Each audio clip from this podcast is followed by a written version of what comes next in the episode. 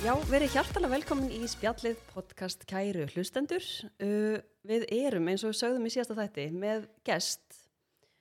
Uh, með langar að kynna hann. Hann er Sigurjónsson Lítalæknir. Vertu velkomin til okkar í spjallið stúdióið. Takk fyrir, takk fyrir að bjóða mér. Mót, já, kannski. Tala Já, kannski. við vorum ekki búin að gera Nei. neitt soundcheck.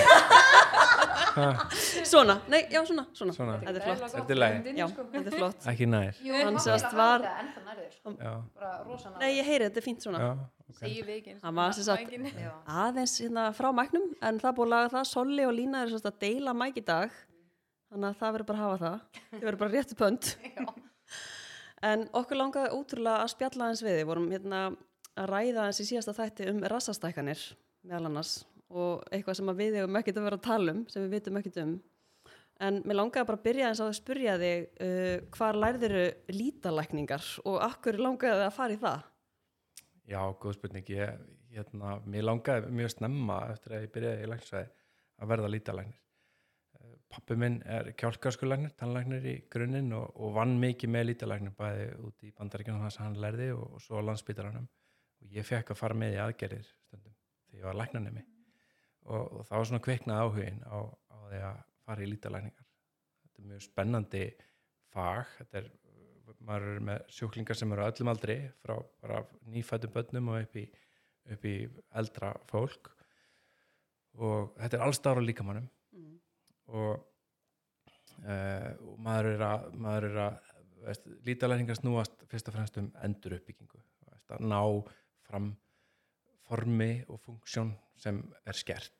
Var mögulega til staðar áður en, en er skert núna einhverju liti úr sér úr lægi og náttúrulega færunalækningar uh, hlutin náttúrulega snýst fyrst og fremst um að, um að bakka tímanum, það er, það er yfirleitt það sem maður er að eiga við. Mm að, hérna, að ná, í, ná í formið sem var veist, líka menn eldist badnegnir, þingdabreitingar en fyrst og fremst aldurinn breytir, breytir forminu.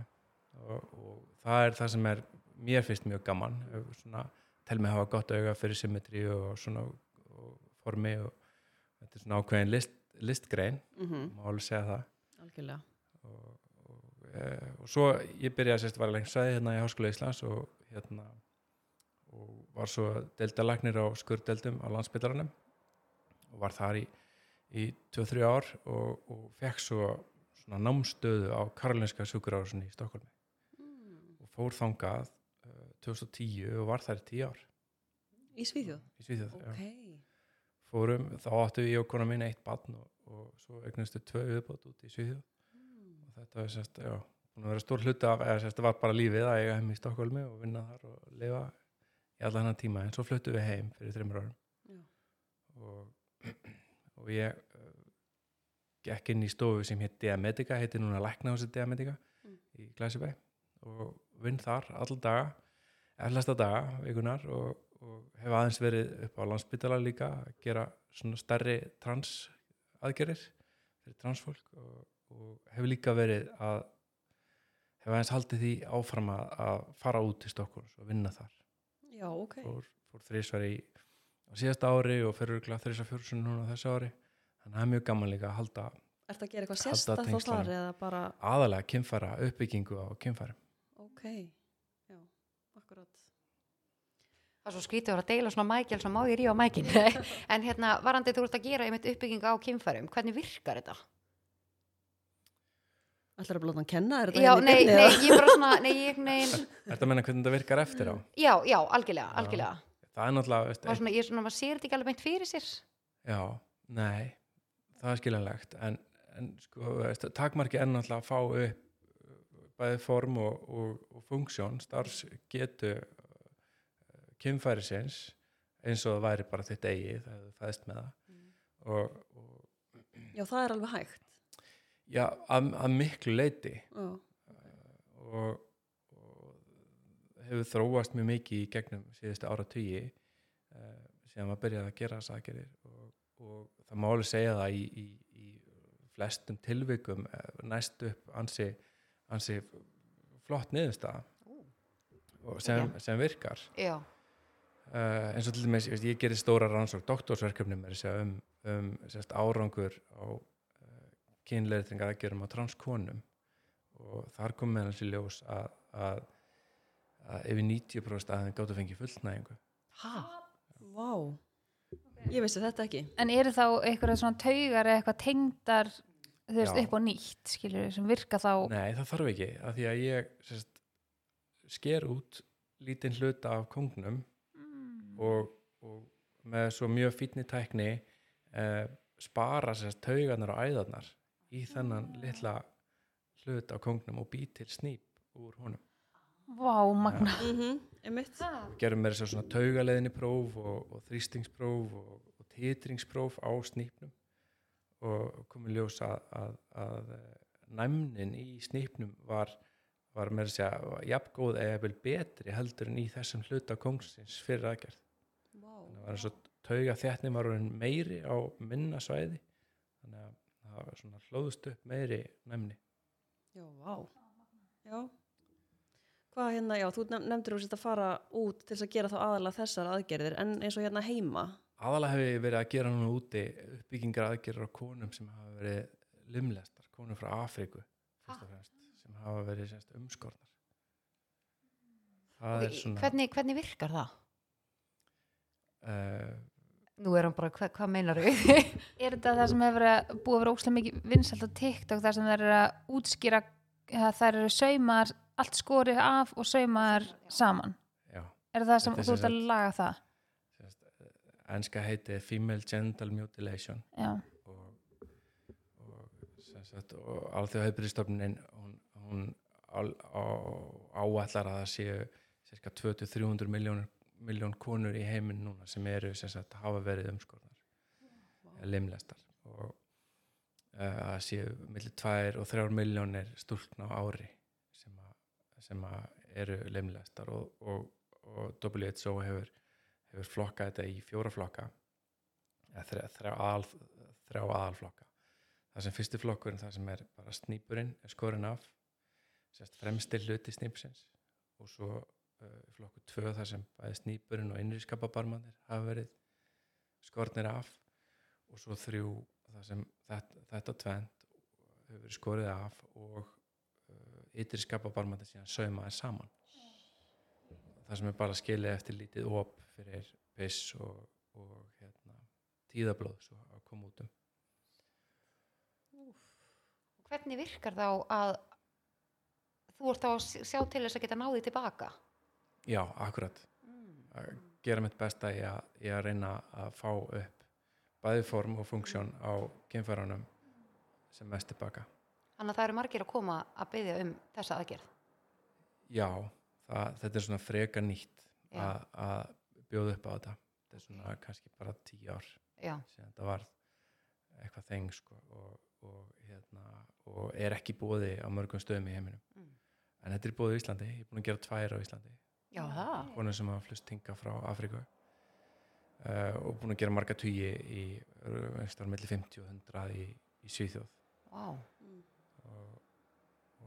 og, þetta er líka tækni sem er að þróast og, og við erum að byrta vísendagreinar núna, við höfum byrt þrjár greinar undanfærin ár um svona hvernig hægt er að þróa tæknina betur og, og, og, uh, og allt í kringum bæði sem sagt, ferlið að svona kona kemur í aðgerð og hvaða, hvaða stöðning hún þarf að fá vá, magna. Já, akkurat. Og svo ertu líka að gera uh, mikið að svona, þú ert að gera brjósta aðgerðir, eða ekki? jú, Og svona þess að svöndu. Er, það, er þetta svona aðalega það sem þú ert að gera? Já, má segja svona- að þetta sé svona uh, stór hluti af því sem við gerum. Já. Það eru, eru magar og brjóst. Já. Og, og, og sundu aðgerðir og brjóstaliftingar hafa verið svona vinsælustu aðgerðirnar í ára tugi. Mm En svo eru aðra aðgerðir eins og, eins og fytuflutningur í, -hmm. í brjóst, andlit, rassa eins og þau voru að tala um áðan, Mm -hmm. tippi, Mm til þess að stækka tippi. Er, er notu fita í það? Já, Alltaf? uh, yfirleitt, já. Já, ok. Og svo náttúrulega stærri aðgerir eins og andlisliftingar, hálsliftingar, Andlisliftingar og hálsliftingar. já, Ertu að tala um þá eitthvað svona... facelift. Já. Nei, ertu að tala um það þegar skorið og svona strekt einhvern veginn? Já, akkurat. Þá er skorið hérna fyrir framann eirað, byrjaði oft upp í hársverði og svo fyrir framann eirað og eftir inn í eirað og svo aftur undir eirað og aftur fyrir það til þess að komast niður á háls og, og inn á andlitið til þess að strekja strekja bæði undirleikjandi struktúrana vöðva og vöðvahimnur og svo húðina. Á hvaða aldrei er fólk að mæta í svoleis? Já, hvenær eigum við að bóka okkur í þetta? það er, þetta er svona það, sem, það hefur verið skrifað svolítið um þetta núna síðast leiðið ár, eitt, tvö ár að aldurinn er aðeins að færast neður þetta er svona talið minna mál en var og, og, uh, og fólk er farið að fara Já, í þetta er ekkert, já, þú sagði að þetta er talið minna mál þetta Já. er sem sagt ekkert það mikið mál, segir þá Jú, þetta er en mál Ég sá fyrir mig bara hvernig að húðin væri svona, sko. já Þetta er löng og, og, og mjög svona delicate nákvæm aðgerð.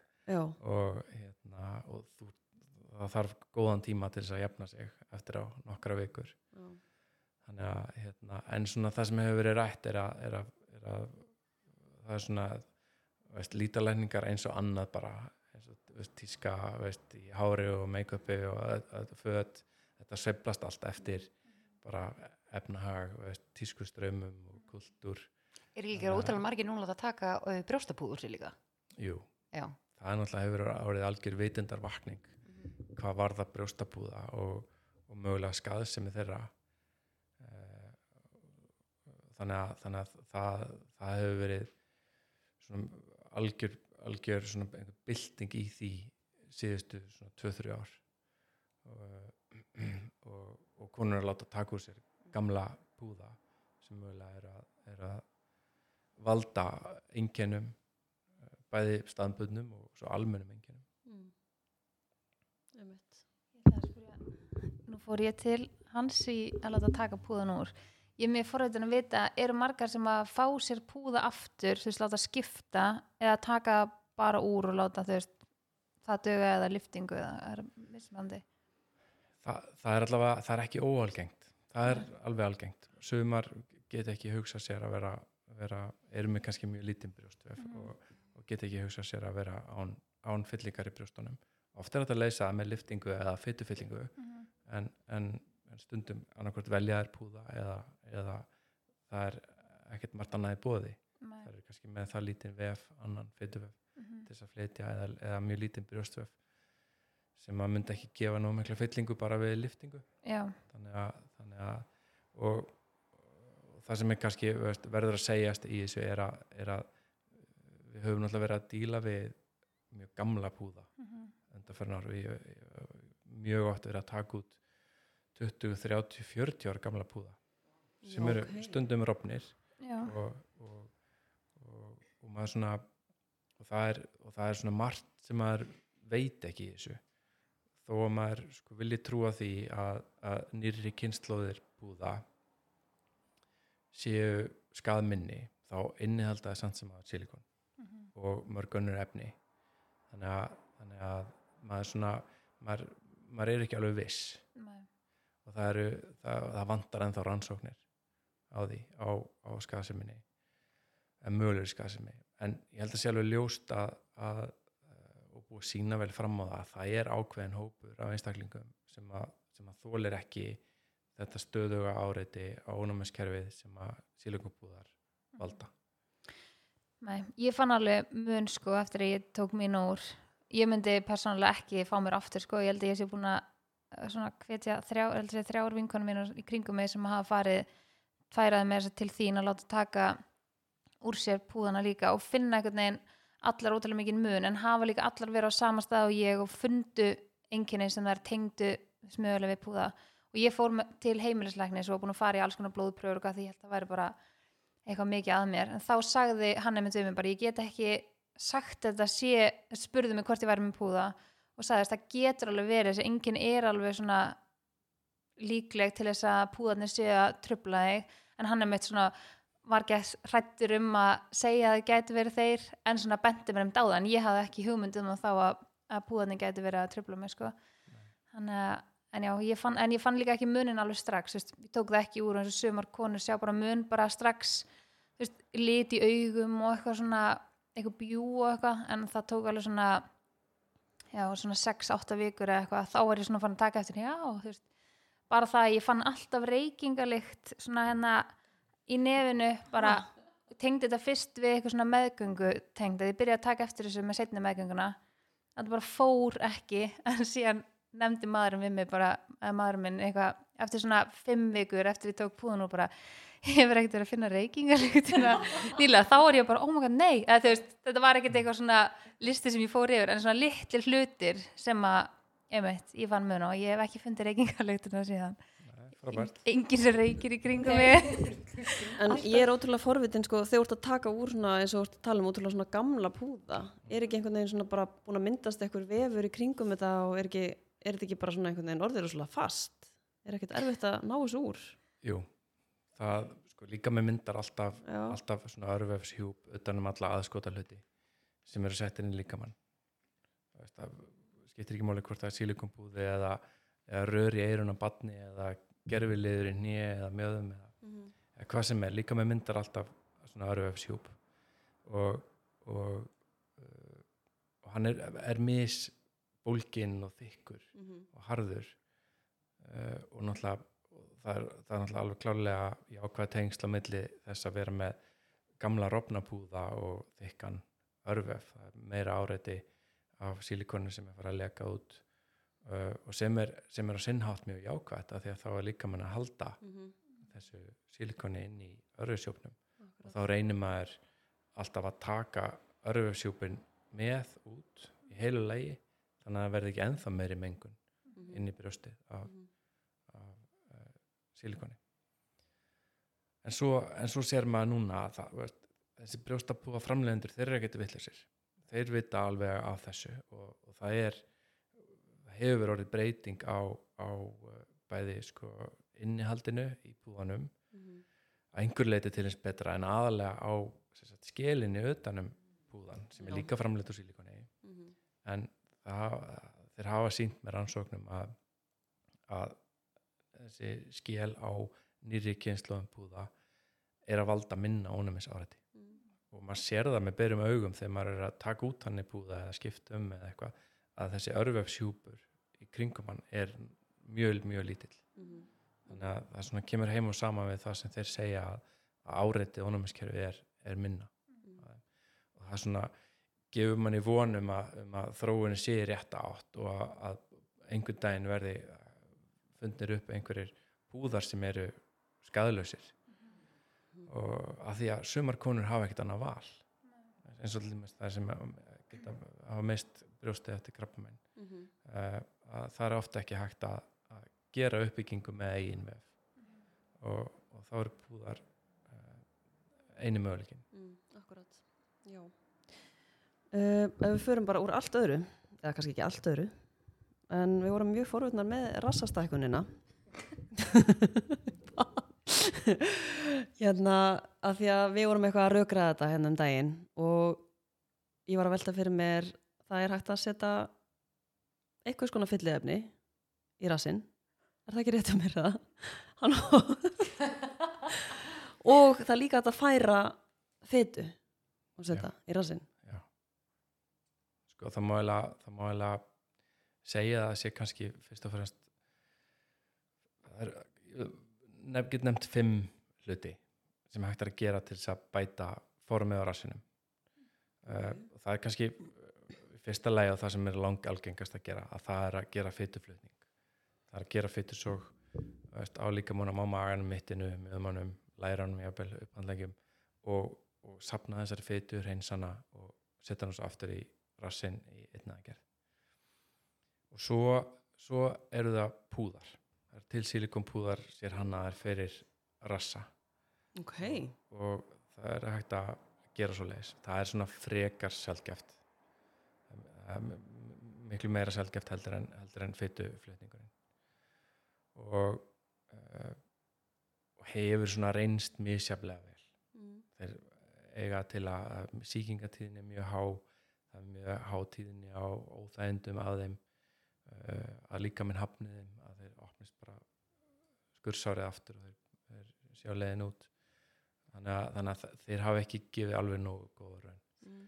uh, ég hef aldrei gert svo leiðis aðgerð að setja sílikonpúðar en, en það hefur verið gert. Uh, og síðan síðan nummer, nummer þrjú og það er að, að sérst, nota fyllefni eins og hílunarsýru eins og við notum í varir og andlit þegar við erum að, að byggja upp og hérna að það er, það er á markanum uh, hílunarsýra sér hönnuð fyrir uh, þess að stekka rasa. Uh, það er þá sérstaklega fyrir kannski konur sem eru mjög mjög grannar sem hafa enga fytu að taka. Mhm. og, og svo nummer fjögur það er að, að gera þetta að, sérst, að bæta formið á rassinum uh, með því að lifta honum veist, að gera skurðagerð það er bara eins og sunda fyrir bakið. Sundagerð fyrir bakið. Að, að lifta honum þannig. Ok, það á við náttúrulega þá ef, að, ef það er mikið laus húð. Mm. við vorum svona einhvern veginn farin Já. að laga, lafa og hjá, eitthvað. hjá fólki sem að er búið að missa, missa, uh, missa mörg kíló eftir, eftir eins og maga er með maga hjá til dæmis. Og svo er nummer 5 það er það er ólöglegt það er það sem er ól, það er, það er það sem við erum búin að vera að sjá að heyra í, í fjölmjölum eins og hún hérna Black China sem að fór í silikon sprautur í einhverjum kjallara í, í, í Miami eða hvað það var. Það sem einhver ófaglærður var að sprauta fríu sílikoni í henni eh, sem hún kifti bara í múrbúðinni. Guð minn almáttugur þannig að það er, já þannig að það er ólöglegt en er samt gert einhver staðar. Já, búið að gera mikið búið að skrifa og fjallum þetta í bandaríkjanum sérstaklega. Hvað, hvað af þessu fimm heldur að The Kardashians sé að vinna með? Bossan, ég veit ekki, ég er með svona gruna, gruna að þessi fyttu fylling uh, ertu að tala um eins og nefndi fyrst að tekið allstaðar og það Já. hljómaði svona alveg frekar þægilega bara, já, eða er það kannski ekkit En er ykkur ör eftir það? Að, veist, það sem að, hvernig er þessi sprauta? já, Aftur einu, einu örin eftir að eru þessi litli gött sem Já. þarf til þess að veist, það er svona 3-5 mm gött sem þarf að gera til þess að koma fyttsóksrörinu inn bæði til þess að sapna fyttinu og svo að, að koma henni fyrir aftur Sko, við vorum að ræða líka hérna í síðasta þetta, við þurfum að tala um hérna rassastækkarnar, að þeir eru búin að sprauta til dæmis bara fytu aftur í rass, og búin að bara taka fytuna úr og allar að flytja neyfir. Við sáum einhvern veginn formið á rassinum fyrir okkur, svona eins og kannski er það eins og við sáum hérna hjá, hvað var ekki, Dr. Miami, alltaf þá var hann að sína eftir á þegar hann var búin að gera þetta, að þá var einhvern veginn rassin svona eins og væri bara svona kekkjóttur ég er svona kekkjáttur, eða þú veist, fattar við svona ó, einhvern veginn, sem svo bara ógslega mikil appilsinu húð veistu hvað, Verða svona Dr. mannstu eftir hann að Dr. Miami sem var alltaf á Snapchat og var að Já, sína frá aðgerðunum? Bara fyrir og eftir strax sko. Hann var rosa mikið alltaf einhvern veginn að þjappa alveg vel í, vel í í bossan sko. Mm og þá einhvern veginn var svona áferðin svona svolítið sérstök. Við vorum einhvern veginn svona að ræða það hvort að það væri bara fyrst eða Já, og hvort það myndi lagast eða, þetta er alveg rétt hjá að lína, þetta er appelsinu húð já, af því að appelsinu húð kemur að, að því að það eru bandöfstrengir í húðinni Mm. sem, sem fara alveg upp í húð og svo niður að vöðva heimnunni Mm. Sem að halda húðinni svona á sínu stað og ef fytumagnið undir húðinni verður uh, of mikið eða mjög mikið að þá, þá koma svona ójöfnur. Ah. og, og þá kemur appelsinu húð ok, hann að gætur verið að íta undir appilsinu húðuna ef þú verður að setja fytu yfirleitt jafnar það sig. Ok, af því að stór hluti, ekki stór hluti einhver hluti af fytunni uh, nær ekki að, að festast, að gróa. Hann bara leysist upp og líka menn losa sig Já, er það þannig? Já, hann að ef þú setur mag, ákveði magn í mig mm, og, og ég er svona ónæs hann að kannski með tímanum mun bossin aðeins minka út af fytan mun eða sér. Já, á kannski þrem mánuðum, þrem til sex mánuðum þá er svona loka niðurstaðan ljós. Ah. og, og það, maður er ánæður með svona 70% take, eða ekki að tala um take að sá, það, sá hluti að fytu fyrir mánum sem að grær já, ah, ok, wow, áhugavert. En hvernig er það með, ef ég færi í fytusrók, þú veist, á maga og þú veist, lærum og helstu stöðum, þá er það að taka fytufrumunar, koma þær aftur, eða ef ég myndi séðan þingjast eftir einhvern ákveðin tíma, myndi ég þá bara fytna á fytufrumunar sem eru eftir þá eitthvað svona, kannski svona, ó, ója, skilur, að þið búið að taka eitthvað fytufrumur. svaraði já, Já. Þú, þú fytufrumur maður þarf að fitna rosalega, rosalega mikið til að fytufrumur fyrir að fjölga sér. Þegar maður fitnar og grennist þá eru fytufrumunar að stækka og minga Mm. Þe- þeim fjölgar ekki nema, nema maður fitnar rosalega mikið. Það er svona almenna reglan. Og, uh, og þa þarna reynir á sko lítalæknin að gera fytusöið mjög jamt og fínt og ekki of aggressíft. Mm. svo, svo að þegar ef að sjúklingur fitnar að þá verður þetta ekki ójæmt Mm. Þegar að þú ert að gera þú ert að gera svona rassastækkanir hérna heima, eða ekki? Jú. Þegar þú ert að gera það, hvað ertu þá svona helst að gera? Ertu þá helst að svona taka fytuna og færana eða ertu mikið að nota fylliefnin? nei, bara fytufyllinguna Bara fytu fyrir? Já. Já. Já, það hefur verið óska eftir stelpur sem hafa verið mjög mjög grannar og ekki verið kandidatar í Fytu fytuflutning. Að það er að óska eftir þess að ég hef ekki ennþá, ennþá ég hef séð þetta gert Mm. Er ekki prófað? ekki prófað ennþá Mm. Nei. þarf þá ekki svolítið mikið fylliefni nú sé ég, þú veist, ef maður setur fylliefni í broslínunar til dæmis Mm.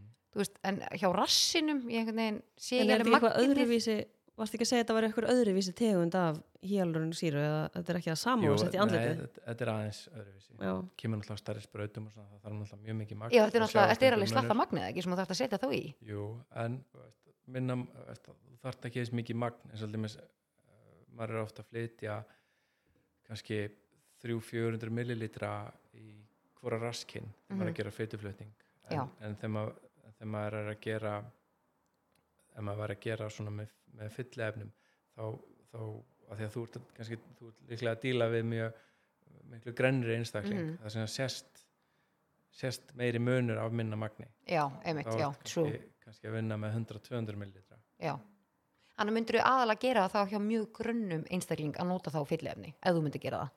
Já, ég hugsa að fytuflutningur væri einfaldari, með öryggari og ódýrari kostur. Já. En er þetta mjög vinsal aðgerðan á Íslandi það? Nei, ég get ekki sagt það. Ah, ok. Ég, Við vorum svona að velta þessu nefnilega fyrir okkur hversu vinsalis aðgerð væri. Já, akkurat.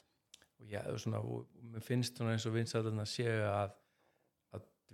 Já, fara Ég, og niður. ég held að það sé bara... 100% Fólk fer bara í sko, hnébeygurnar. tískustraumar, Tísku, já, já, já, já.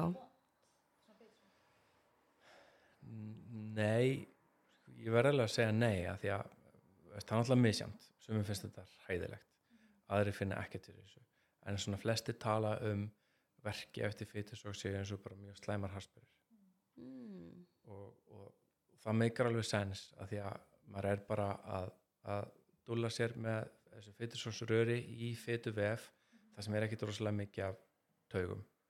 Og, og það kemur engin rosalega spenna eða maður er ekki að vinna með vöðva eða bein. Það sem að, það sem að verkir eru kannski meiri. Mhm. en maður er ofta að erta vöðva himnuna. Og þá, og þá koma verkir og kemur bólga og bólga veldur verkjum. Mhm. en, en yfirleitt eftir fytusók eru þeir ekki mjög slemir En þú sagðir án eitthvað að þú ert aggressífur upp á að fytu fyrir minna að koma tilbaka. Hvað meinar þú? já, bara passa sig að taka ekki mikið Já, taka, já, hann ef þú myndir taka bara, bara alla fytuna, já, að þá dæmis- væri það verra fyrir sjúkling, eða skjólstæðingin, eða sjúklingin, eða hvað já, sem þá, hvað hann. veistu, þetta, að, aðal það sem maður er að hugsa allan tíman þegar maður er að gera fytusóks aðgerð er, að- er að passa sig að vera ekki á nálagt húðinni þú verður að skilja eftir svona 1 til 1,5 jafnvel 2 cm af intakt fytulægi undir húðinni til þess að, að húðin verður ekki ójöfn Er þið þá, kemur þá svona kannski flekkir í húðina Já, út frá? kemur, getur komið deldur og ójöfnur Já. þess vegna- þess vegna er maður yfirlt alltaf í bara dýpri fytulögunum þegar maður er að gera fytusók Og þú ert ekkert að vantilega að gera fytu svo nema kannski að sé alveg nóg að taka eða svona Já. Ertu, segir stundum bara nei, ég get ekki gert fytu svo já, já, ofta já. nei En, En má já. maður vera rosa feitur, þú veist, svona, alveg svona vel feitur, en þarf þarf þarf þó að grenna þig áður?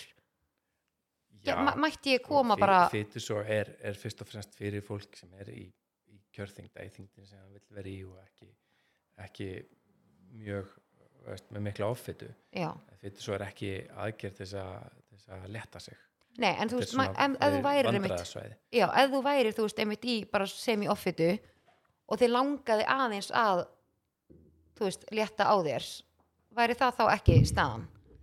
nei, segir þú þá bara nei Já. af hverju?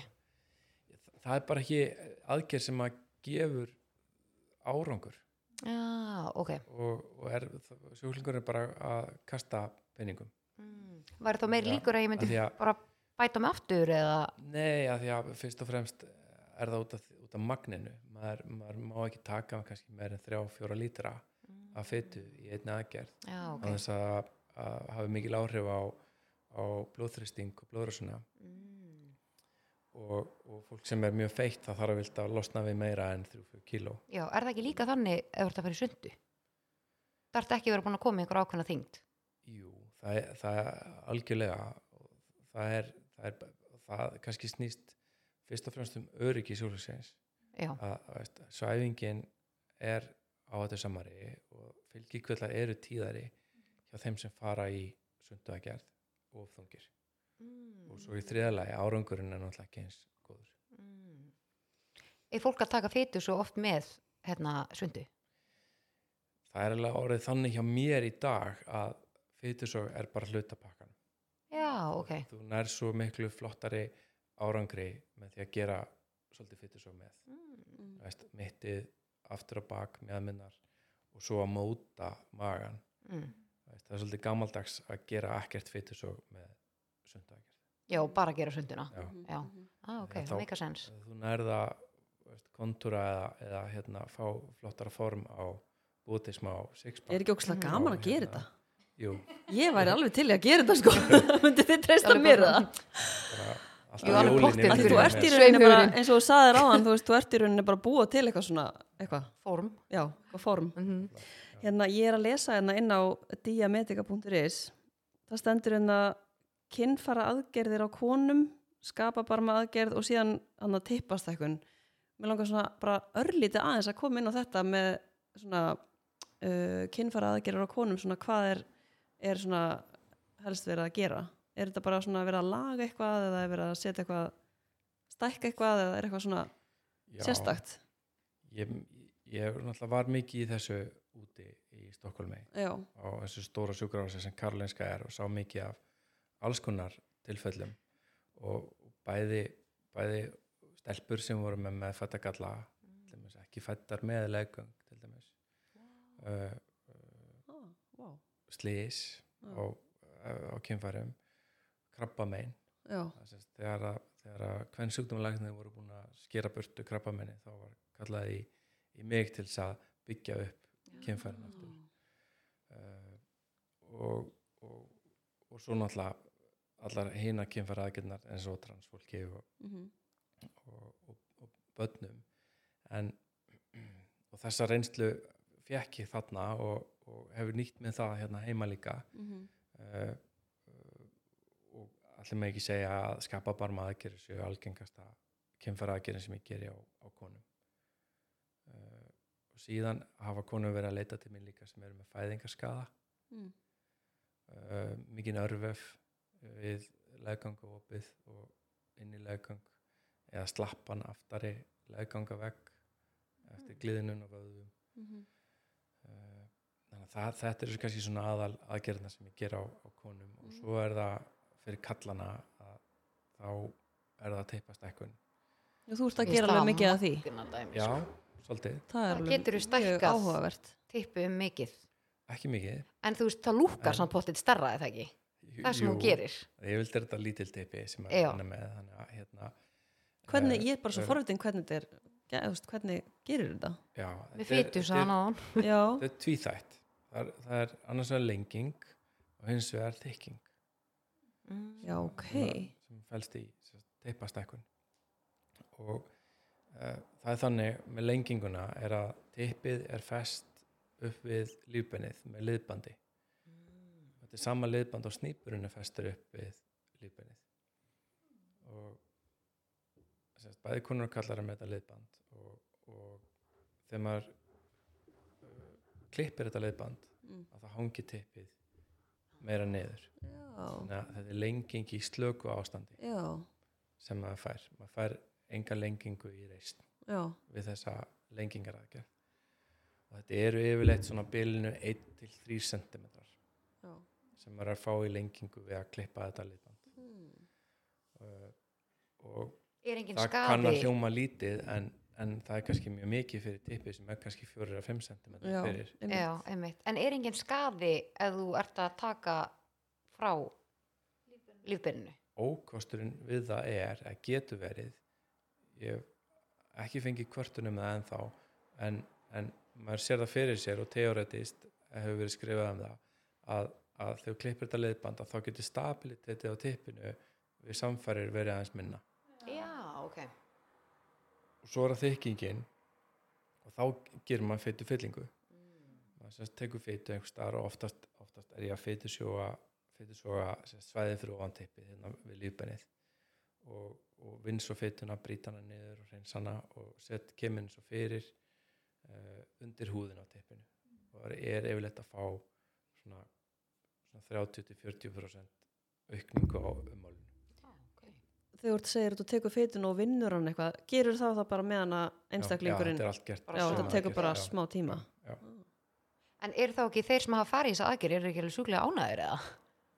Ef veist ég get ímynda mér að að langmestu leiti hefur, og það er mjög lítið um alvarlega fylgikvilla. Já, einstaka eins og við alla skurðakir, sýking, blæðing. Mhm. uh, en, en það sem maður segir alltaf og þetta á við um allar fytufyllingar aðgerri hvort sem er brjóst, andlit, rass eða teipi er að það getur, þur, getur þurft að gera aðgerðin aftur til þess að bæta á. Að því við vorum að tala um áðan að, að gróandin eða teikið á fytufrumunum sem eru fluttar er mjög mismunandi. Getur verið 70-80% sem er mjög gott eða fara alveg nýr í 30-40% og þess vegna maður að, að til þess að kannski ná þeim loka árangur sem, að, sem að við erum að hugsa hvað ég og sjúklingurinn að þá getur við þurft að gera áfyllingar aðgerð Þetta er mjög áhugavert. en sko nú varst að tala um að þú tekur þá Nú ætla ég að taka vinkonu mína Varstu, við vorum að tala um það að þú varst að tala um að þú tekur þá fytuna sem er hans fyrir ofan hjá teipinu til þess að setja, til þess að fylla. Mm. um, Nú er ein vinkonu mín sem er grönn en hún er alltaf að tala um hann sem er feita pjöllu. Mm. og ég er alltaf bara svona, ég skil ekki eða þú veist, ég ég er svo ósamalni en hún bara, hún sér ekki annað hvernig ertu að gera þannig aðgerir eða? Já, hvernig virka þær?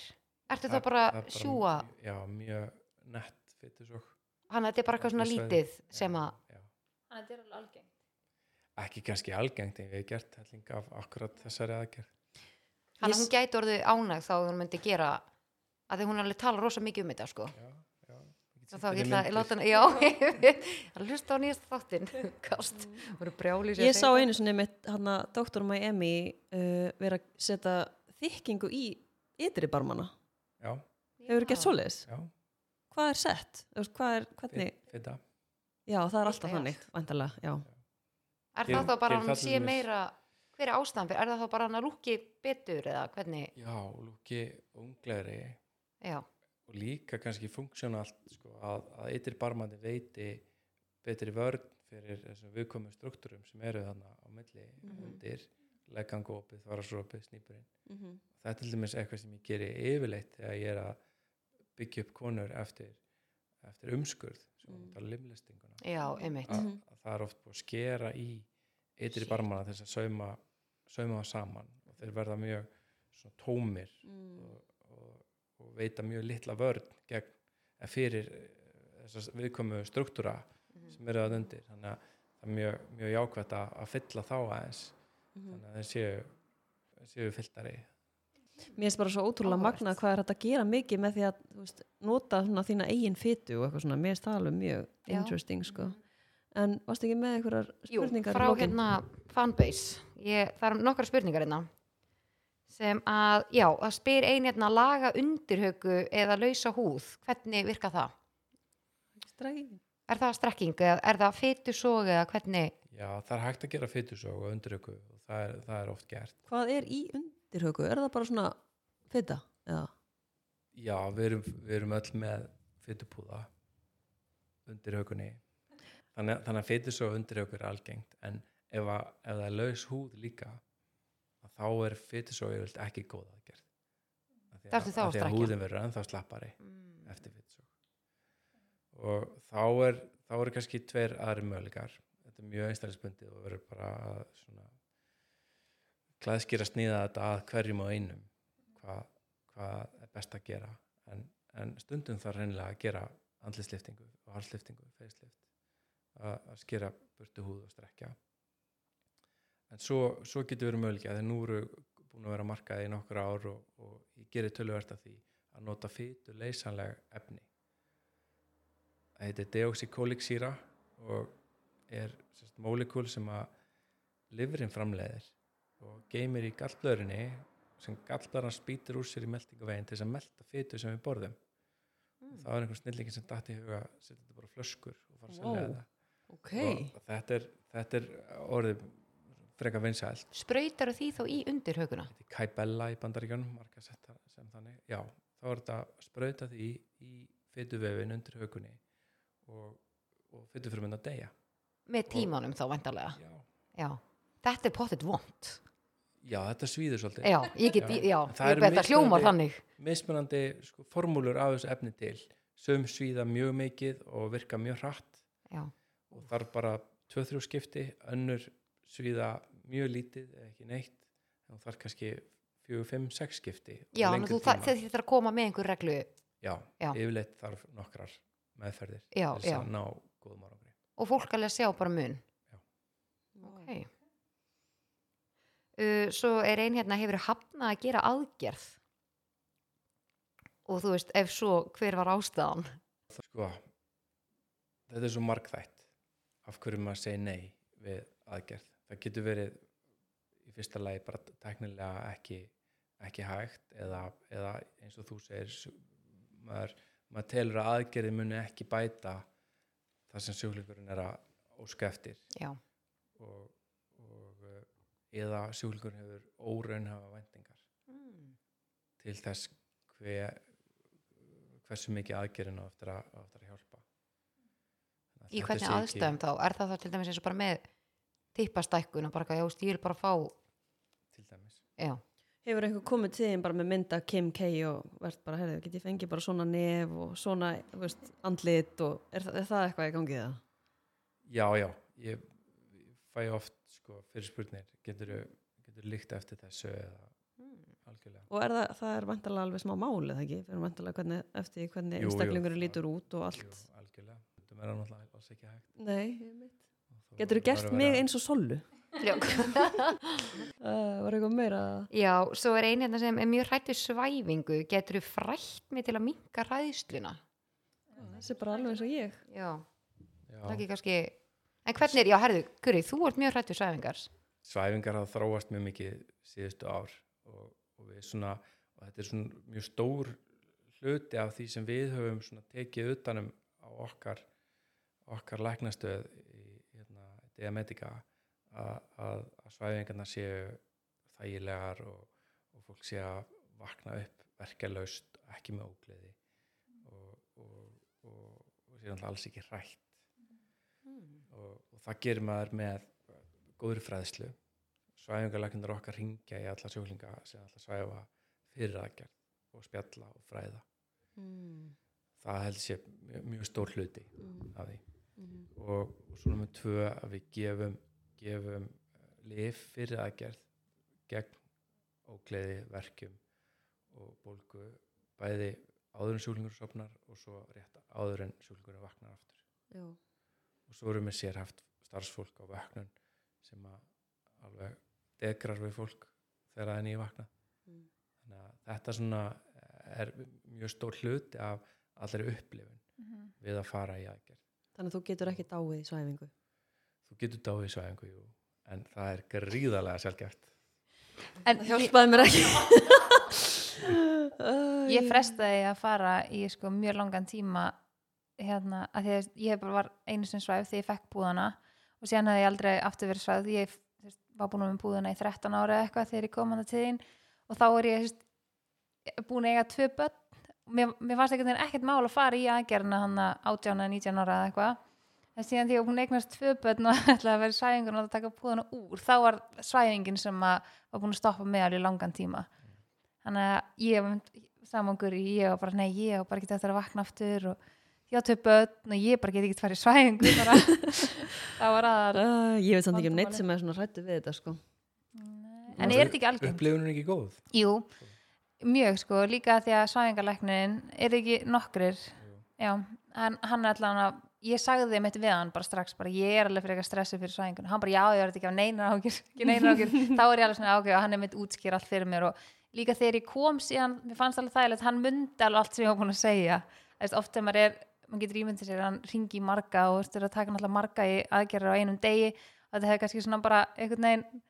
er að og svona bara þannig látið þetta bara svolítið slæta en hann alveg sagði við mig bara leið og ég kom og gaf mér einmitt svona hérna kæruleysislif eða eitthvað svona til þess að róa mig að því ég var alveg mjög stressu Ég bara myndi- að fá bara svona smá einmitt fræðslu og já, samtal og bara svona allt geta sagt við mig bara, já, þú veist, bara meðan maður er einmitt að þú veist, hérna, þú veist, þú færð lífi og færð þú veist, allt þetta að segja bara hvað sé að gerast. Mér varst það alveg svona Mhm. það hjálpaði mér allavega lænastu með eitthvað meira eða bara Já, það eru uh, tvær hérna sem ég ætla að spurja uh, svundu aðgerð eftir þingdartap hvenar er besti tíminn? besti tíminn er, er þegar að ef þú ert búin að ákveða fyrir sundu og, uh, og svona aðstæður eru góðar þú hefur einhvern til þess að sjá um þig og, og svona allavega fyrstu, fyrstu eitt, tvo sólarhengana og, og getur tekið í frí úr vinnunni og, og svona en, en kannski sérhæft við sko eftir, eftir svona hjávitu eða ermi til þess að léttast að þá þarf að vera búin að plana út í þingdar missi þú þarf að vera komin í einhverja ákveðna þingd og vera búin að sérst, missa þessi kíló sem þú missir og halda þeirri þingd þannig að þú sért ekki ennþá að, að missa. Og helst í einhverja mánuði helst í halvt ár. Ok, að þú sért svona búin að vera stabil stabil í vikt í, í, í þá cirka hálft ár? í halvt ár já. Ok, ok, og þann, þannig að þú komir ekki í sundu aðgerð og, og svo missir þú 10-15 kíló viðbútt já, þannig að svundan yrði þá að- aldrei jafn flott og þau mútti gera Nei, það þá setna þá er mögulega komið laus húð aftur. Já, einmitt. Svo er sko uh, nokkur sem spurja varandi nef aðgerðir þú veist, kostir og gallar mm, við þær Hvernig er hérna, þú veist, ertu sammála öllum sem koma til þín, bara herði, ég ætla að láta laga með nefið? Nei, alls ekki. Uh, en yfirleitt þegar fólk er komið í viðtal til lítalæknist þá er það búið að hugsa mikið um þetta það er búið að lesa á netinu og yfirleitt mjög vel upplýst. Mhm. það er náttúrulega það sem hefur breyst síðustu tíu árin að hvað samfélagsmiðlar á neti er búið að breyta hvað, hvað maður fær sko, vel upplýsta sjúklinga til sín þeir eru ég vel búin að sjá horfa aðgerina hundra að. Nei, ég bara elska að horfa á svona aðgerið, það er eitthvað að hjá mér sko. Ég var bara, ég var bara á hérna, Miami gæjanum bara alla daga sko. Já, nei, nei, ég er alveg góð sko.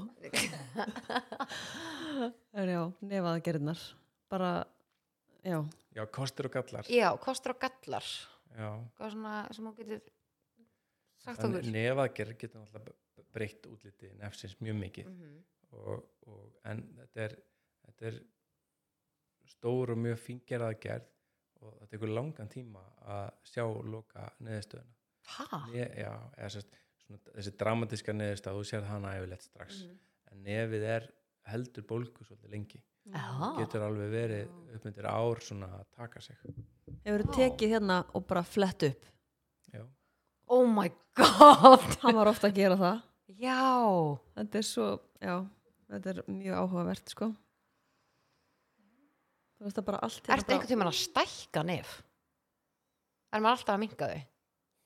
Nei, sko stundu þarf að, þarf að byggja upp nef eins og eftir nefbrot og, og Já, hérna, slæm nefbrot og, og eða einhverja galla eða, um, eða svo má segja þú veist, þegar vantar, Mhm. vantar efni við sko. Stundum þarf að með þess að fá lána brjósk einhverst annar staðar frá líkamannum til þess að byggja upp nefið Ok, nota- áhugavert Mm. Var eitthvað meira spennandi? Pókanum.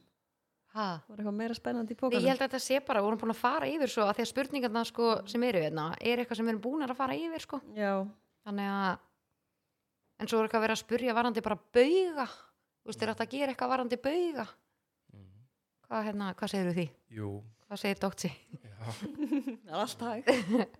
baugar sko, það er kannski svona, svona þrýþætt vandamál oft sko uh, og, og mismöndi stegum hjá hverjum og einum uh, í fyrsta lagi er það kannski sko, sko uh, hólan sem kemur sjá sumum er það meðfætt að vera með svona hólu og ekki nú að fyllingu undir auganu en með aldrinum gerist það yfirleitt að fetupúðin sem við erum með hérna, hann rýrnar. Og þá kemur svona hóla og, og þegar að fetupúðin rýrnar þá kemur vandamál nummer tvö að það kemur dökku litur uh, í gegn, því að vöðvin hérna undir hann er dökkrauður og Er það kemur ástæðan þá? já, fyrir dö- dökkum lit yfirleitt. Ah, stundum getur verið dökkur litur í húðinni líka út af Mhm. húðbreytingum. En, en ofta er það út af, út af skugga sem sést í gegn að því húðin er svo þunn getur þú þá sprauta einhverju gegn til þess að hilja vöðan? já, það er það, það sem maður gerir yfirleitt Mm. að maður, að maður sprautar uh, og svo það þriðja sem ég ætla að segja það eru hrukkur uh, það koma náttúrulega hrukkur á vöðvunum hérna kringum augun sem er alltaf að draga saman þegar maður brosir Mhm. það koma hrukkur og það getur maður alltaf laga bara með að setja bótox og slaka á vöðvunum en til þess að fylla upp í hólunar þá er, þá er svona algengast að nota, nota þrend langa algengast að nota fyllefni hélunarstýru og koma henni fyrir hérna Er það vond? Nei, það er þetta deyjufa stungustæðin og svo fer, ger ég þetta vilt þannig ég fer með það sem er kallað kannula Þannig svona sem er, sem er svona sprauta sem er mjúk á endanum Mm. þannig að maður, það er svona pínu óþægileg skritin tilfinning þegar maður fer undir með það en það, maður notar það til þess að, að, að skemmi ekki æðar maður fá ekki marblett Já. Það myndur auga. ekkert fyllið efnið. Jú, það er það sem hefur stund verið vandamál við fyllefni, er svona verður maður að vera að vita upp á hár sko, hvaða fyllefni er best að nota þarna Mm. Veist, þú vilt nota fyllefni sem er stabilt og dregur ekki í sig mikinn raka Mm. á tvö rósamendir svo að bólni ekki upp, svo fór ekki bara pulsu undir augað Mhm. og, og, og, og, sé ekki á ferðinni Mhm. sé ekki að fara neitt þannig að, þannig að maður þarf að vita hvað maður er að gera þegar maður er að meðalla þetta svæði Er þetta algengt eða? uh, já, frekar Já. Og svo er hægt að nota fytu fytuflutning Ú, Við Já, erum ok. búin að tala svo Það er um- alveg magnað fyrirbæri. já. Það er að gera það bara við allt. Já, og það er frekar algengt að nota það, að gera það, þá nærma sér í feitu einhverstaðar Mm undir haugunni, það til Mhm. þess og, Og beint og bara í feitu. augun. Það þarf að vinna feituna alltaf aðeins. Það, þarf, það þarf að, maður, veist, maður gerir feitu svo fyrir svona feitulöfning, þá dælir maður inn vökva, deyfi efni og maður þarf að skilja það frá og svo kemur oft smá blóð með, maður þarf að skilja það frá, maður vil ekki vera að setja blóð aftur inn Mm og, og sprauta alveg hreitni feitu. Svo þarf maður Það er með þarna fatan sem maður sér alltaf hjá vinnum mínum. Mm. Það er svona aðeins öðruvísi græðir sem maður nota við feituflutning í, í andlit Mm svona fínni, Já, minni. En vinnur það einst þú setja þá fytuna eins og fyllefni? já, Ok, wow. og nei, þetta gera Bara þetta hérna í bytni bara. staðdeyfing og kærleysisbrödu og svo er Já. það þriðja sem að uh, ég byrjar að nota núna síðastlega mánuði, kefti tæki sem að er sem sagt, fyrir meðallega sem kallast PRF Platelet Rich Fibrin. Fyrir, fyrir hennar þess var PRP eða svona vampire, við tala um vampire facelift þar sem maður tekið blóð úr sjálfningnum og, og, og, og það meðallega á ákveðin hátt og svo komið fyrir aftur en PRF að þá getur rauninni búið til uh, þitt eigið fyllefni úr blóðunniðinu. Þú, þú spinnur það niður, skilur frá uh, rauðu blókotnin og hvítu blókotnin en skilur eftir uh, smá hluta af blóðflögum og stoppfrumum og vakstaþáttum sem er í blóðinu og sprauta þeim aftur inn undir. Það verður bæði fylling af því og líka svona smá endurnýjun rejuvenation á, á húðinni fyrir ofan. Já. Verður þetta ekki svona dögt? Nei, af því að, af því að þetta er glært Já, Ég er búin að það er spinna búin að taka svona að losa þennan, þetta glasa blóði við allar við allar uh, rauðu blóðfrumunar Æðislegt, já. Þetta er bara, við erum alveg, Við erum við vitum meira núna heldur en áðan. Er eitthvað meira sem þið voruð að spá? Varst þú ekki að spá eitthvað? Nei, við erum búin að spyrja allir. En þú, Læn? Já, ég, ég er bara Við erum alveg svona, við erum að meðtaka allt. Þetta er svona, já, margar upplýsingar, Mér mjög skemmtilegt. hvað er hægt að nota fytu í margt Mm -hmm. mm. Akkurat. kemur óvart, maður sá það fyrir sér að vera meira eitthvað svona einbytt fyllefni Mm fyllefni þetta, hitt Já, ég er bara svona smá öfundan, ég held að þetta sé rosa skemmtilegt, sko. Já. hvað er þetta að gera margar aðgerar á dag? Uh, ég, er, ég er á skurstofinni þrjá dagi í viku og þá er maður að gera alveg frá þremur stórum upp í tíu ha, á einum degi litlar aðgerir, já Vá. stundum, stundum er, er, er maður bara að gera litla stuttar aðgerir eins og auglokka aðgerir sem tekur klukkutíma já, Já, það er náttúrulega líka rosa sem Já. Svona auglokk. ja, taka púða sem tekur Já. já er, það bara, er það bara engja, já ok, það Vá. er bara vippa og loka já, Það er magnað. Þegar þú ert að gera svöndu, ertu þá að taka eins og vinnu minn, þú er alltaf að vitni hann, og færa naflan og taka hérna húðin, hérna neðist af og bara henda henni í burtu. Er þetta ekki svoleiðis? Jú, þannig er svona klassísk sunda en svo, svo hefur maður verið að þróa sig áfram af því að það eru suma konur sem koma til mín sem að, sem að er ekki með neina auka húð Mm. mjög mjög litla og það sem, það sem vandamáli er í rauninni ekki auka húð heldur, heldur gliðnin á kvöðvegnum Já, já, einmitt. og, og þær vilja fá það lagað Mm -hmm. Fyrst og fremst út af til þess að fá bara betri bólstyrk og, og betra útlit Mhm. stundum er útliti bara eins og þessi konar fjóra-fimm mánu á leið Mhm. mm. að kveðveikurinn er gliðnaður og þannig er ná ekki upp, upp styrk Mhm. sem getur leitt af sér bakverki og, og verki í kveðinu manna Mhm.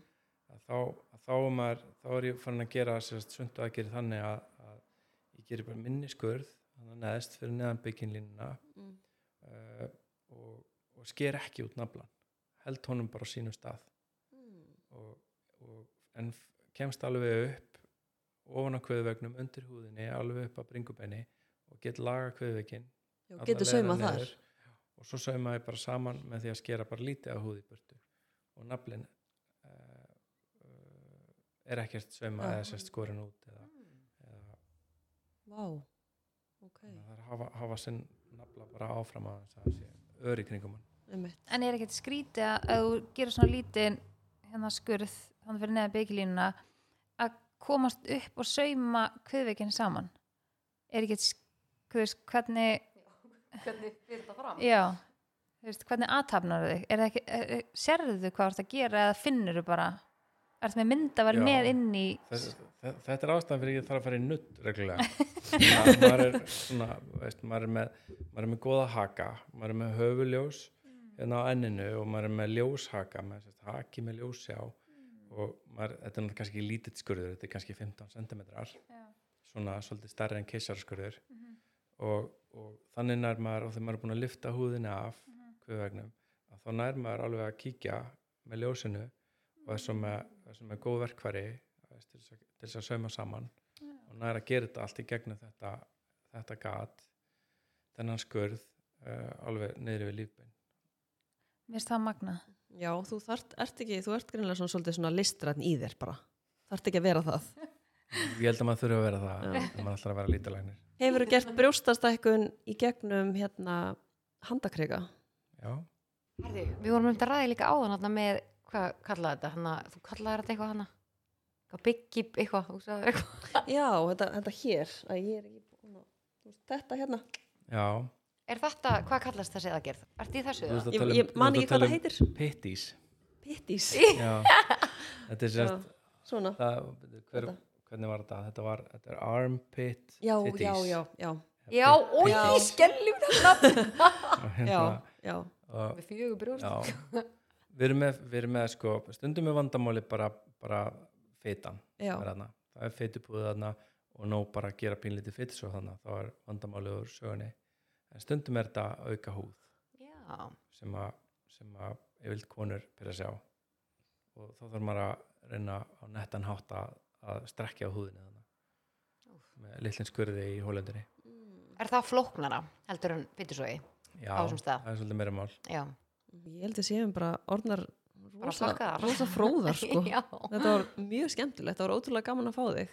já, takk fyrir. Takk kella fyrir að koma. og nenna svarallum þessum spurningum fyrir okkur.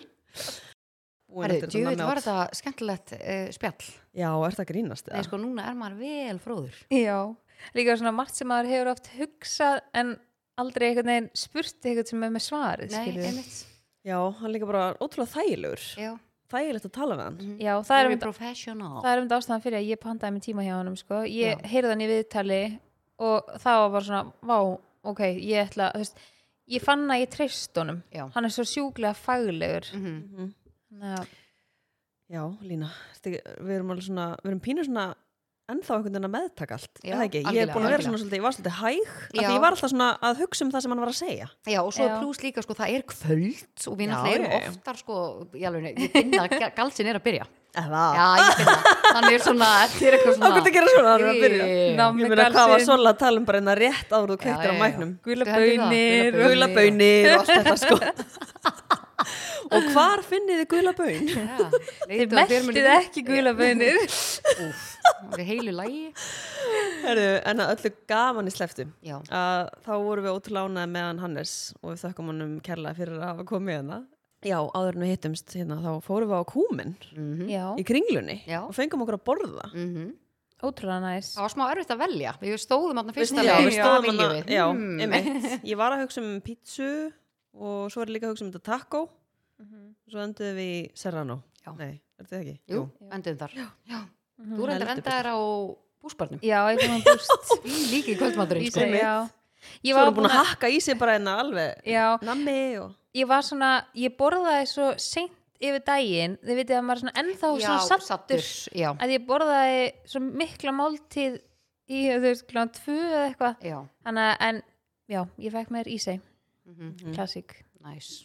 En Kúmen er uh, með 16 veitingastöðum í kringlunni og við mælum ótrúlega með að þið skellið ykkur þangað Kapís. og í æfintirlandið og kringlubjó. við eigum það eftir æfinturlandi Já, Já, nei, það ég fórum, fórum daginn, Já, það var reyndar. náttúrulega ammali. reyndar við, við þurfum að Já, taka reyndar. það einhvern tímann Reyndar. fullar í æfinturland En eru að fara að henda okkur í turn off eða?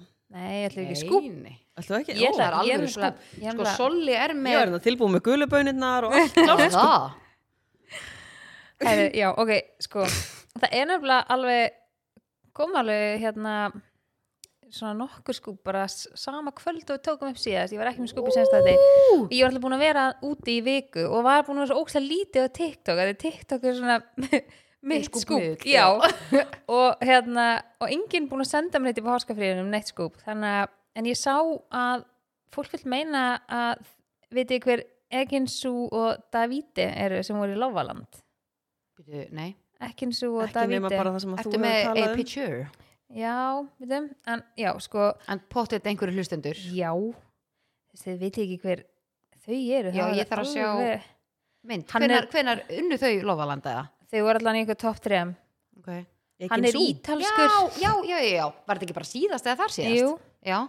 já, það, fólk vil meina sagt að, að þau séu hætt saman og það lágu sagt screenshot af hérna samtölum sem að hann á að hafa átt við uh, tvö mótel Hanna, og þau voru í Amsterdam saman. Þau búa sérst í, í hérna í Breitlandi en voru í Amsterdam í fríi og þar sáust þau rífast og var tekið upp á vídeo þar sem þau voru bara hnakkrífast. En voru síðan saman í fluginuleginni heim en fólk vil meina að þau sérst sé hætt saman allan þessu ok. stað en núna þetta tekið upp. Um, og já og í kjölfari þegar þessi umræða fór að stað þá mm. sérst lágu þessi tvö mótel samskiptunum sínum við hann Það er svolítið margir að vinna með þetta. Já. Eins og hann Adam Lavín gæjan. Mhm, en þetta er náttúrulega líka bara fyrir Hann er svolítið svona, svona fimm minútna frægð skilur, Já. fyrir þessar stelpur Já, þú svona hendir fram og Já, og ég held, og líka bara það er ekkert langt síðan ristabröðuliktina þeirna. Já, Er Já. eitthvað að brenna eða hvað er að gerast þeirna? Já, potið að kveikni. Já, hvar? Bara í patinu eða? Nei, þú Nei, þið þetta er því, sko. matalikt? Bara einhver að fá sem mat síðan fyrir utan eitthvað? Já, bara ristabröð. Þetta er ristabröðslikt. Já. Sorry, ég triplaði skúpið. Já, uh, já, nei, en já, ég held að margir, þú veist, segjum bara sem svo að við værum bara í útlöndum skilur við bara, við, við, erum að fara til útlöndanum bara til nokkra daga. Og segjum við myndum sjá bara Davíti á einhverjum stað í úti. Þú veist, ef, það er þá er ég að segja við varum ekki í þeim sambundu sem við erum í í dag skilur, segjum við varum bara single, þú veist myndi maður ekki reyna að nálgast hann bara upp á fönnið, skilur, þó svo þú ætlaðir aldrei neitt, skilur, mm. ok, ég er ekki að segja að við myndum gera, en Já. sjáu þetta, ekki, þetta scenaríu ekki fyrir ykkur bara ykkur unga stelpur sem er kannski eitthvað staðar reyna að hafa samband við hann og bara eitthvað svona eiga samskipti við hann, eitthvað ógeðslega spennandi Já. og kannski með það bara eitt í huga að leka því, skilur Já, einmitt. Svona Ég bara veit ekki svona hvernig þessi maður lítur út, sko. Hann er, hann er mjög myndalega sko. Og, en Ég man bara, hann talaði svona bjaga ensku, Já. eða þú veist, hann var gekk krútlegt, ég sá bara eitthvað svona, var þetta ekki síðast eða þar síðast? jú, og þá Hann talar það verið að sína þegar hann Já. var að segja eitthvað I love you á og var ekki að tala við hann á ítölsku og... já, hann tala með rosalega miklum svona hreim og já. það er svolítið svona hans svona signature sko. já, einmitt, einmitt. en það er ekkert langt síðan að hann sást sagt, fara upp í leigubíl með vinnu sínum og tveimur stelpum sem var ekki kærastan hans þannig að, að fólk er bara eitthvað svona "M- maður sá þetta alveg gerast og eitthvað. En svo veit maður ekkert skilur, var þetta vinkornar hans eða þú veist, ykkur, það þarf ekkert að vera að hafa verið eitthvað skilur uh, en þau eru ekki búin að gefa út þau séu hægt saman? mm, ekki Opinberlega? ofnbærlega, nei. Okay. en já, en það er samt, þau eru samt það um, svona up to date á samfélagsmiðlum af því að þú veist, þau vinna á Lofaland og þau eru svona Instagram mm fólk skiluru, þú veist, þau eru miklu meira up to date heldur en eitthvað annað frækt fólk skiluru, þú veist, sem að tekur þetta kannski aldrei fyrir, skilur mig Mhm. þannig að það er skrítið að þau sé ekki búin að gefa neitt út þau hafa oft sagt bara eitthvað þetta er bara algjörð bullshit, skilur við um sögum sem að ganga, Ah. þannig, og ekkert hefur heyrst allan en þá ok, uh, svo er annað uh, hafið tekið eftir allir umræðin um holdafariðan er Ariana Grande það er bara svo Nei. eldur um sinni núna því að hún er bæði búin að sko breytum háralit, hún er komið með ljóst hár og hún er virðist vera búin að léttast alveg töluvert og fólk er bara því líkt sko að skipta sér að þessu. Og ég hef bara aldrei séð svona bara, bara ljót komment líka bara svona þar sem fólk er að skipta sér að holdafari eitthvað annars, veist. ég er bara svona hvernig hvernig ah, bara nennir fólki já, undir. já, og bara segja hún sé ógustlega óheilbrið og eitthvað. Og þetta var það mikið að þú veist hún líka bara aldrei hvað fólk er að gangi í gegn Nei, þú veist, þú getur nákvæmlega. að vera að lendi í einhverju og þá Einmitt, oft sem að fólk grænist sko. Já, og hún er líka bara búin að gangi í gegnum ímislegt, menn já, hún hann að bara guðminn góður. Já, þú veist bara það sem hefur ekki gerst fyrir elsku stelpuna á stuttum tíma, mótil og hurðinni eða... Já. en hérna, en já og, og það mikið sko að vera gaggrinnana og tala um þetta bara í öllum blöðum, bara samfélagsmiðlum bara út um allt, að hún tók þetta fyrir alveg í tveggja mínútna vídeo og TikTok þar sem hún ána með hana. hérna bara kom fram og sagði bara þeir sem er að líka mér við óheilbrið, óheilbriði að því ég er búin að grennast, þá var hann bara, ég hef aldrei verið eins heilbrið, ég tók til í þú veist bara öllu í mínu lífi og eitthvað Mhm. og bara svona loksins er farin að bara þú veist, sinna sjálfur mér og þú veist, og það inn, innihjalt skilur, hún hafi mist ykkur kíló skilur, já, já, en hún er bara þú veist, virðist vera bara, hún á aldrei að þú veist, gera rétt, þetta er bara svona hún það svo mikil fræg já og er sama alltaf hvað hún gerir það er alltaf, já. Pæli, Þannig að- að líða hann ókýrslega leðilegt en þetta er bara svona góð áminning að veist að vera ekki að veist pæla í Nei, líka holdafari hjá í alvörinni, ég er bara 2023 sko. Einmitt, þetta er alveg galið sko.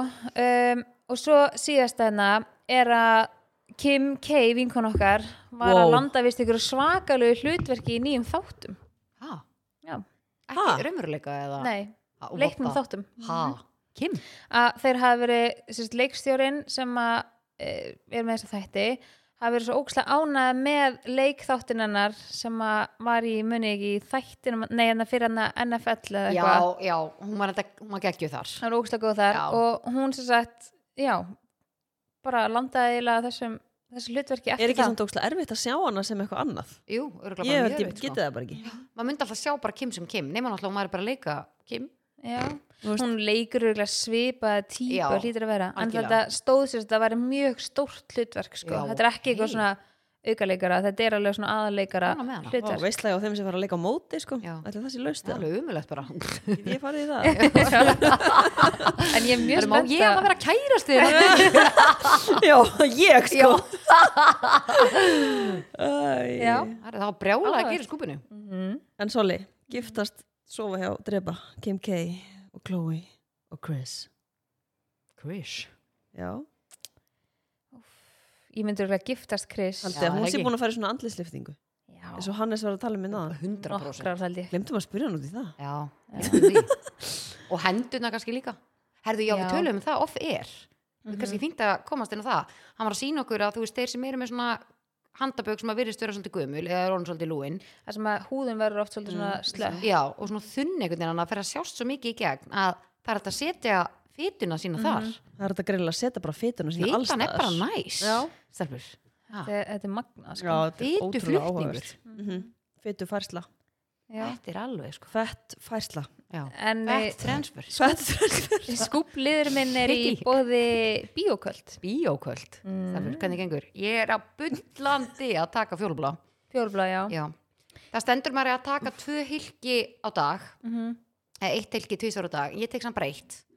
Að því ég á svo smá erut með að kynkja hilkjum sko. já, Þannig, en ég er samt bara góð með eitt. Já, ég tek eitt á mótnan og eitt á kvöldin. Já, ég þakka sko að byrja á því það henda mér pína vel. mig meira í dag sko. En ég bara, já. ég elska góðgerla og fyrir ykkur Já. sem eru ekki að taka inn góðgerla please bætið þið inn í rútunum Já, sko. og líka bara pröfa, skilur, það sakar ekki pröfa og sjá hvort þú finnir því þetta við viljum gerir hafa góðgerlana í uh, Já. meldingaflórunni svo mikil vörð fyrir líkamann. og já, bara svo fólk viti líka að þeir gegna rosalega miklu hlutverki þegar kemur að vörnum líkamanns til dæmis fyrir skilverka meldingu og fyrir upplögt ánæmiskerfi Já. Þannig að kapís, beint út í næstu veslun kaupa sér bíoköld, þetta er alls konar típur hann getur valið eitthvað svona fyrir ónæmiskerfið fyrir kandíasvepp fyrir mígreni. Og líka bara þetta, það sem ég veist þægilegast við þetta, þetta er svo aðgengilegt, þetta Já, er til bara í krónunni, maturubúðum, þú veist, ég kipi sér bara með þegar ég vesli matinn, Já. mér veist það, ég þarf ekki að gera mér sér ferð að kaupa þetta, þannig að mér veist það algjör snilt, mm. Mhm. mæli með að pröfa allan. þetta er ekki svona sér var eitthvað herri, þetta fæst bara þarna. Já. og líka góðu verði Good, þú myndir very giftast Chris já, Heldur hún áfram Hvað myndir Hún þú gera myndi náttúrulega- tvær? Býtu var þetta Chris, Kim og Chloe. og Chloe. Já. Já, ég myndi drepa hana. Ha? Mér veist hún síst. Af þeim þreymur, já. Hvernig þá færi það að fram? Værið þú með að strap hón eða myndir þú láta það? Ég var bara ekki búin að hugsa það fyrir leiðin að hugsa þetta Geður skýslu En hérna. veitu, akkur ertu svona hefur svona mikið á móti Chloe? Nei, mér veist hún bara Er það því hún er búin að vera í svona er hún eitthvað á mótinni, hún þarf að velja í þessum leik Nei, ég held sko, ég bara af þeim Þá systrum myndir þú senda hana heim til mín í sveitina. Heim Já. til mín Já, já, já. Nei, mér, finnst, taka henni Ég fer í sveitina með henni opnum faðm mér finnst hún bara svona síst af þeim, ég held ég bara tengist henni minnst af þeim. Ok, ok Já, Mér finnst hún og Kendall svona eitthvað sem að ég er svona, mm, finnst það ekkert Já, eitthvað ég sammálaði með Kendall, ég er Já. ekkert að tengja þar, sko sko mér fannst Courtney alltaf hérna mjög áhugaverð sko og skemmtilegt að fylgjast með henni. Núna finnst mér hún svolítið bara svona hún er orðin svo lokuð þú veist hún gefur lítið af Já, sér sem já. maður skilur alveg. Þetta er alltaf bara óksla langur tími sem hún er ofinber og veist bara geggja Hún er bara í slella og eitthvað Já, svona bara Hún er ekki tími í eitthvað svona, sko. Bullandi slella. Nei, sko, Já. bullandi slella, hún sko. bara út á götu bara í slallan Já, já, já. Svo við vorum að tala um, Og, og í að einrúminu, Já, sko já, já. Alveg bara 100 p.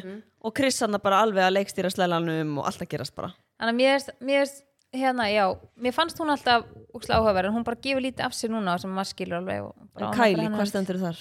Já, mér finnst hún bara ég veist, sé hún sjá svo lítið af henni eitthvað já, Ég kannski Instagram ekki það er bara, hún er búin að vera í bara shadow mode bara, já, er það staðan Já. já ok en sko, já, mér finnst sko Kim og Ég Chris sá raskatið á hann í gær, sko Já, Og það. bikini hann að lána hann eitthvað með raskatið út Já. og vel sexy, sko já. mér sko Kim og Chris Svona hafi verið fýtuflutning Nei, er, alltaf trubla Það er alveg sko. Þetta er svo við sola við þurfum daginn Bara stelpið, ég var að taka hlýðið það Ég var að taka pásu? Uh, En Hannes vildi meina að hann heldi að hérna, þær væri búin að fara í feituflutning Já, já, algjörlega. En ætli það sé þá auðvelt, þú veist, að þær verðast vera alveg svona hægt og rólega að minka magnið í rössunum á sér, finnst það ekki? Má það ekki. nota fytu úr öðrum. Það er ég að nota mína eigin fytu Ég held að líka minn geti þú veist minna fest svona fytuna úr öðrum var að tala um Já, Hann allavega nefndi aldrei að hann var að taka fetu úr sigriði og setja í gunnu, sko. Nei, segjum bara Nei, Ég hef þetta að spurja hvort þú getur ekki lánað hjá okkur og fengið gá hvort Ég það bara líka virki næs, bara einhver, væri, pældi ég samt að væri einhver svona rosa grannur bara sem að er ekki með neina fytu og vill kannski fá smá bossa.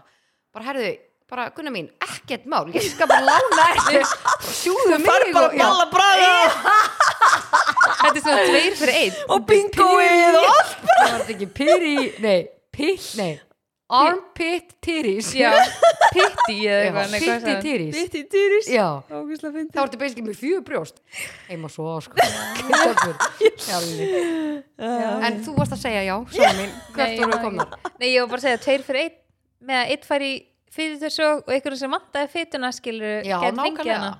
En hva, hvernig fór þetta þá með Kim? Var það þá, hvernig, en, en með hvernig þig fyrir þetta fram? en, en hjá þér Hún Með þessar þrjár? Hún þú myndi myndir drepa náttúrulega, Chris þú myndir náttúrulega bæði giftast og sofa Ég hjá myndi drepa, hérna, ég myndi Chloe. drepa, oi, maður ekki að segja svona Ég myndi, stelfur, maður ekki að segja svona Það er leik, er, þú, þú góðst með hana reik sko Já, en ég, ég, ég var að meina að þú veist senda hana bara upp í sveit bústað til mín eða eitthvað skilur Já, Chris þá Ég myndi senda Krissi. Í bústæðin Krissi er sann svo mikið legend. Já, hún er Chloe var ekki það sem hún væri það var ekki fyrir Chris sko.